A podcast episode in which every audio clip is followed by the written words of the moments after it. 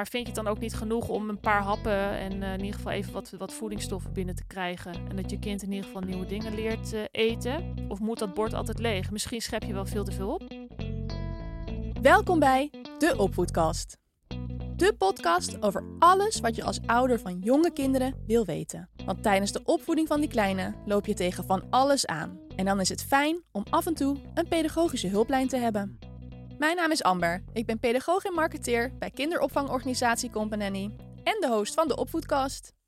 We maken deze podcast omdat we het echt belangrijk vinden al onze kennis, ervaringen en gedachtegoed te delen. En vandaag zit ik weer achter de microfoon met Laurie. Hey, Laurie. Hi. Wat doe jij bij Company?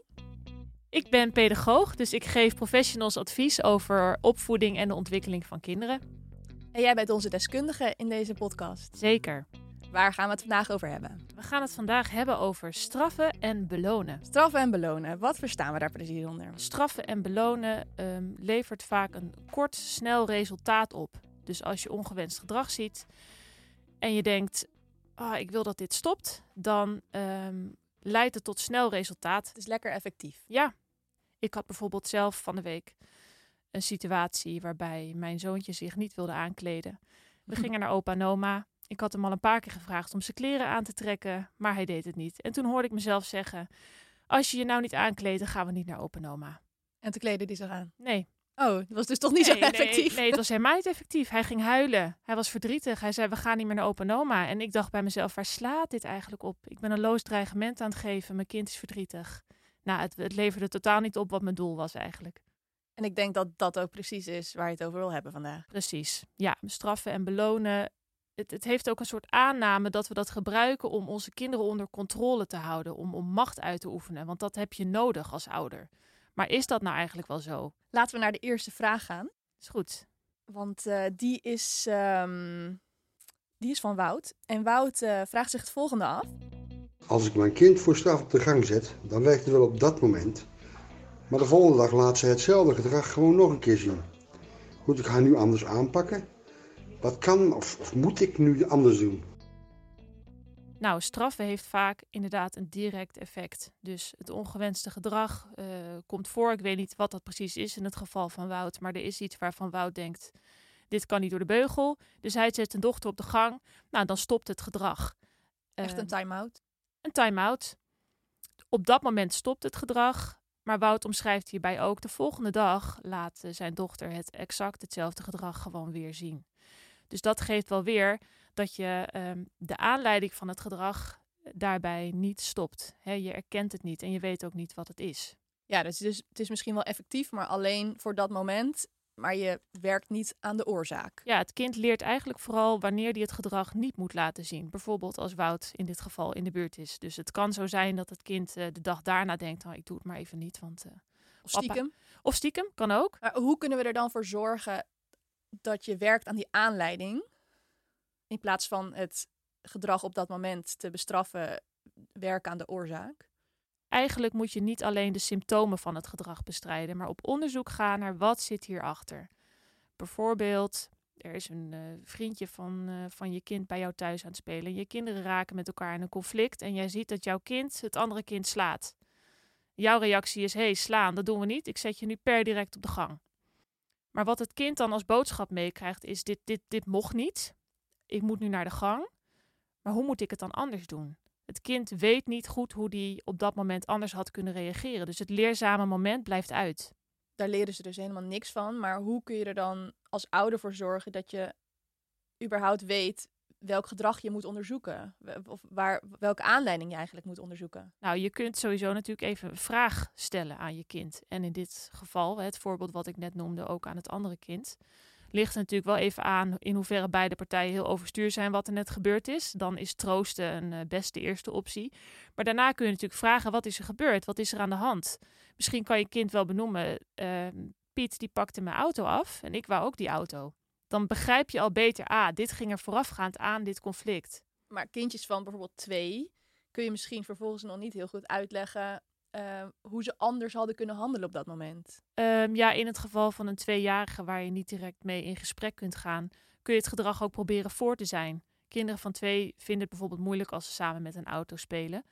Wat ik zou doen is proberen af te leiden, bij je kind te zijn, zodat je het gedrag kan zien aankomen, maar niet te veel op zoek gaan naar wat zit hier nou achter. Want een, een jong kind weet dit vaak zelf ook nog niet. Dus leg niet te veel nadruk op de negatieve uiting van dat gedrag, maar start even iets nieuws. Benoem even kort, dit is niet het gedrag wat ik wil zien, maar ga daarna ook weer verder. Oké, dus vooral benoemen wat je wel wil zien in plaats van wat je niet wil zien. Ja. Geen time-outs geven, maar op zoek gaan naar de oorzaak. Mhm. Maar als je geen time-out wil geven, maar je bent wel echt boos om wat er is gebeurd. Want natuurlijk moet je op zoek naar de oorzaak van het gedrag. Maar ja, soms is slaan is gewoon geen optie. Dat, dat, mag je gewoon, dat mag gewoon niet. En dan wil je dan ook je grenzen in aangeven. Ja.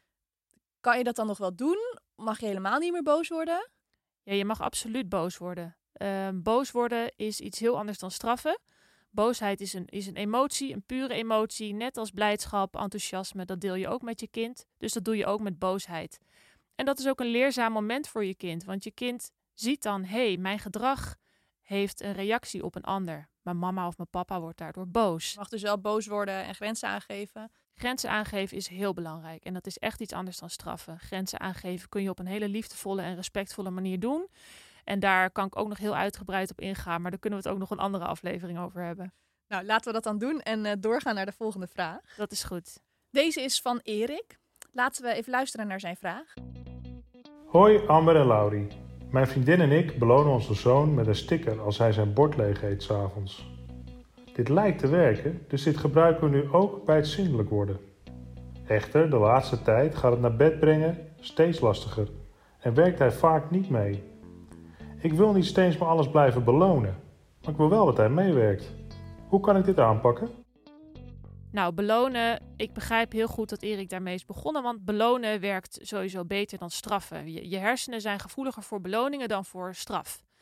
En belonen kan heel effectief zijn. Het kan goed werken, want het bekrachtigt eigenlijk direct het positieve gedrag wat je wil zien. Dat is toch positief dan? Zeker.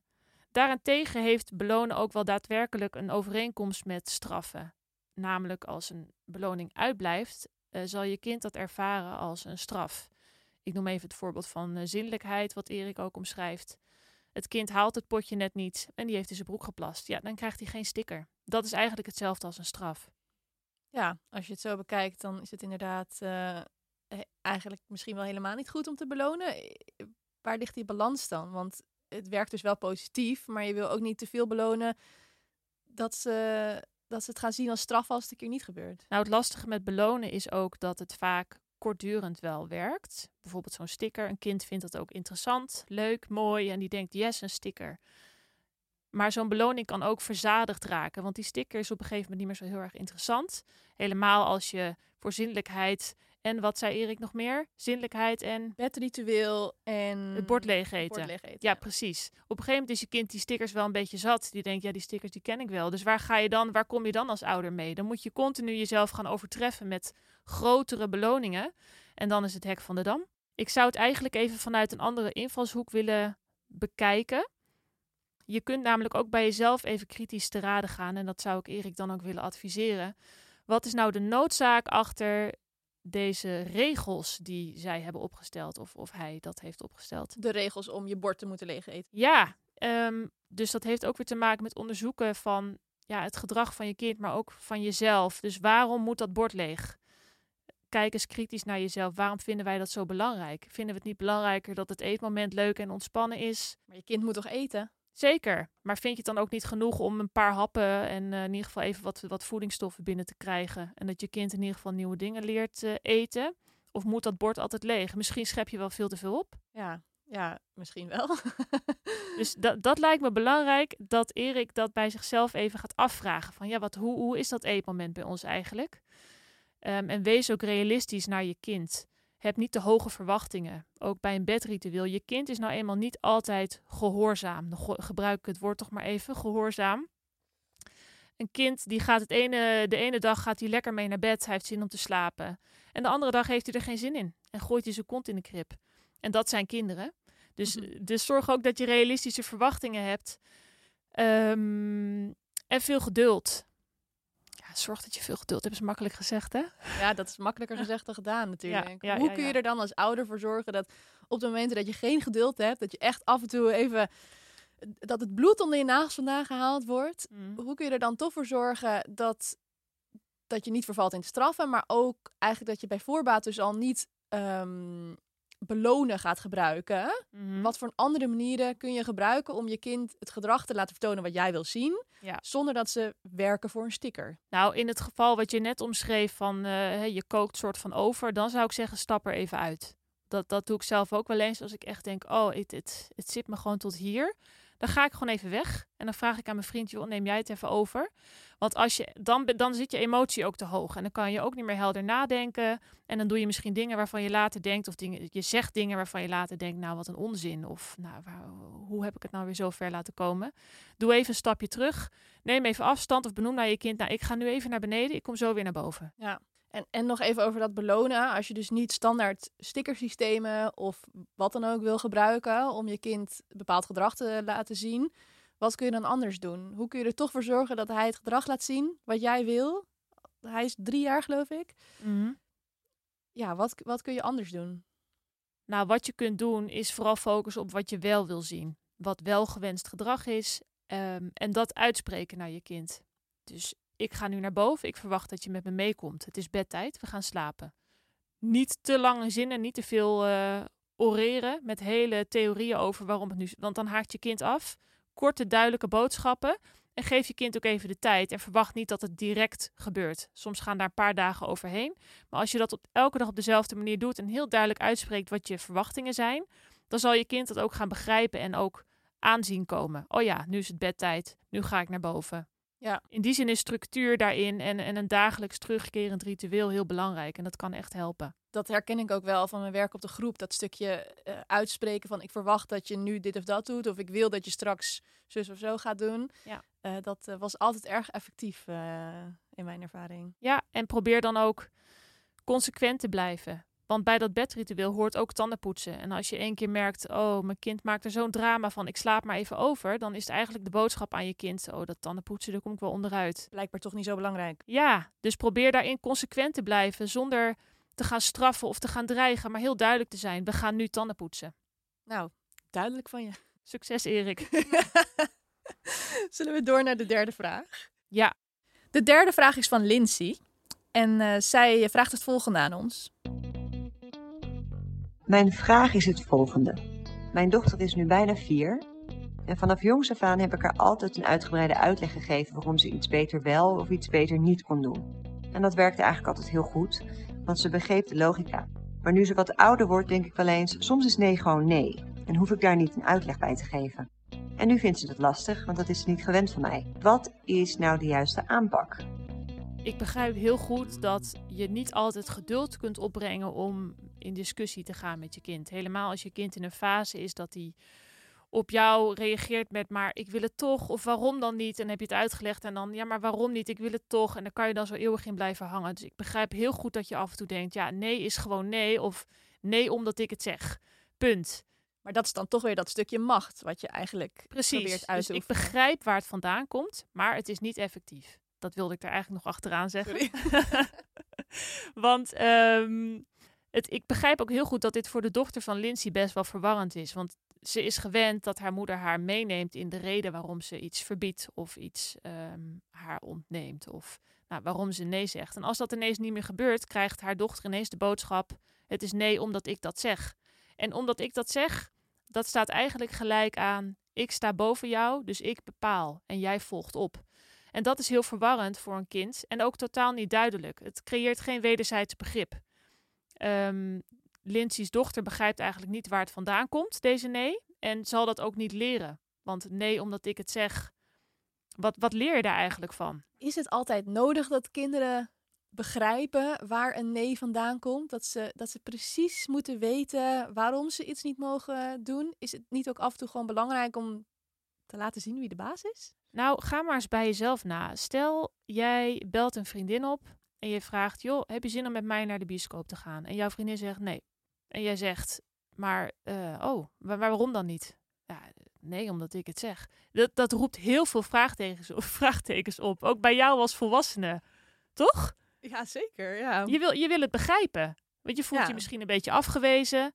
Of je denkt van ja, vindt ze me nou niet leuk? Of zou ze ziek zijn? Nou ja, Eh, om maar even, een, dit is natuurlijk een beetje een uitvergroot voorbeeld, maar in de volwassen wereld werkt het eigenlijk net zo. Je hebt behoefte om te begrijpen wat de achterliggende gedachte is. Ja. Ook voor een volgende keer. Als je weer naar de bioscoop wil en je vriendin zegt weer nee, dan denk je, ah, maar dat is omdat ze helemaal niet van films houdt. Dat wist ik nog niet. Heel random dit hoor, sorry. Maar ehm, ja, dus je kunt gerust zeker nee zeggen is belangrijk. Want kinderen die nooit nee horen, die, die leren later ook niet om te gaan met teleurstellingen of andere mensen die nee tegen ze zeggen. Dus zeg alsjeblieft nee en wees duidelijk. Maar je kunt daarin een uitleg geven om je kind mee te nemen in die nee. En dat hoeft niet uitgebreid. En jij zei net, moet het dan altijd zo precies? Dat hoeft ook niet. Maar eh, nee, je mag nu geen tv kijken, want je hebt vandaag genoeg tv gekeken. Dat volstaat. En dat wil niet zeggen dat je kind het meteen accepteert. Uh, maar het is wel belangrijk voor je kind om af en toe een nee te horen. En stel nou dat je een keer zelf druk bent, of dat je, dat je bijvoorbeeld visite hebt en in gesprek bent met iemand anders en je kind wil iets en je zegt nee. En je weet dat je eigenlijk misschien, ook als het kort, een uitleg zou moeten geven. Maar je bent ook met iets anders bezig. Hoe moet je dat dan aanpakken? Je, je kunt ook niet. Ja, je wil ook, je wil ook niet je gesprek zomaar beëindigen en vervolgens naar je kind draaien. Maar je wil wel je kind laten weten waarom ze iets dus niet mag. Ja, ik snap wat je bedoelt. Nou, het is sowieso handig om naast die duidelijke nee um, een negatieve sfeer te voorkomen. Dus ook in zo'n situatie waarin de visite is, kan ik me voorstellen dat je denkt: Oh, ik heb geen zin in zo'n zo'n explosie. Uh, maar ook geen zin om heel lang een uitleg te geven aan mijn kind. Je kunt de negatieve sfeer ook vermijden door aan te geven wat wel mag. Een alternatief aan te bieden. Zodat je de negativiteit ombuigt naar iets positiefs. Waardoor je kind dat laatste ook zal onthouden en denkt: Oh, dat is ook wel een goed idee. In de ideale situatie dan. Bij mijn eigen kind bijvoorbeeld weet ik dat als hij vraagt of hij tv mag kijken. Dat doet hij natuurlijk omdat hij het leuk vindt om tv te kijken. Maar hij heeft dan ook vaak behoefte aan even rust. Hij heeft even geen zin meer om te spelen. Hij wil eigenlijk gewoon even lekker op de bank zitten. Dan zeg ik ook wel eens tegen hem: Nee, je mag nu geen tv meer kijken, want je hebt vandaag al genoeg tv gekeken. Maar je mag wel even een luisterboekje luisteren. Op de bank. Dat is, dan krijgt hij toch die rust. Ja, want voor mij is dat een goede uitkomst, omdat ik even geen beeldscherm voor hem wil. En hij vindt dat luisterboekje ook ontspannen. Dan pakt hij zijn koptelefoontje en dan gaat hij even lekker zitten. Ja, dus zou je dan in zo'n geval van visite bijvoorbeeld dus ook aanraden om wel gewoon even uit je gesprek te stappen en even 100% aandacht voor je kind te hebben? Waarbij je dus wel probeert om de uitleg zo kort mogelijk te houden, maar dat je wel ja, die oprechte aandacht vertoont. Dat, dat lijkt me wel uh, effectief namelijk. Ja, nee zeker. Je kind voelt natuurlijk ook haar fijn aan als jij iets maar met een half uh, oor uh, zegt of dat je eigenlijk ook niet echt naar hem luistert. Dus goed punt. Ja, Doe het wel zie je ook vaak dat ze blijven zeuren en aan je blijven trekken. Ja, en voel je dan ook niet bezwaard na je visite. Die begrijpt ook wel dat je eventjes uh, met je kind bezig moet zijn. Nou, ik hoop dat Lindsay hier er wat aan heeft. Ik hoop het ook. Dan was het alweer, Laudi. Wat willen we graag dat uh, de luisteraars van deze aflevering mee naar huis nemen? Nou, even kort samengevat. Straffen en belonen is in die end niet effectief. Benoem vooral welk gedrag je wel wil zien. Zeg nee en wees duidelijk. En je mag ook echt boos zijn en grenzen aangeven. Dat is heel belangrijk. Maar geef uitleg, zodat je kind meeneemt in wat hij wel en niet moet doen. En leert te begrijpen waarom. Precies. En als het je uiteindelijk allemaal even te veel wordt, loop dan ook gewoon even weg. Of plak hem achter het baan. Precies. En lieve ouder, wees ook een beetje vriendelijk voor jezelf. Als je wel een keer je kind gestraft hebt of je hebt iets gezegd waarvan je eigenlijk denkt: waar slaat dit op?